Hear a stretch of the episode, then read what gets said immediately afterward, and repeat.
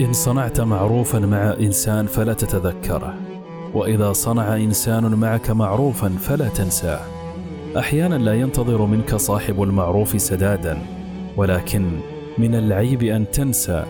لهذا اكتب معروفك مع الناس على الرمل لتخفيه الريح واكتب معروف الناس معك على الصخر لتقرأه دوما.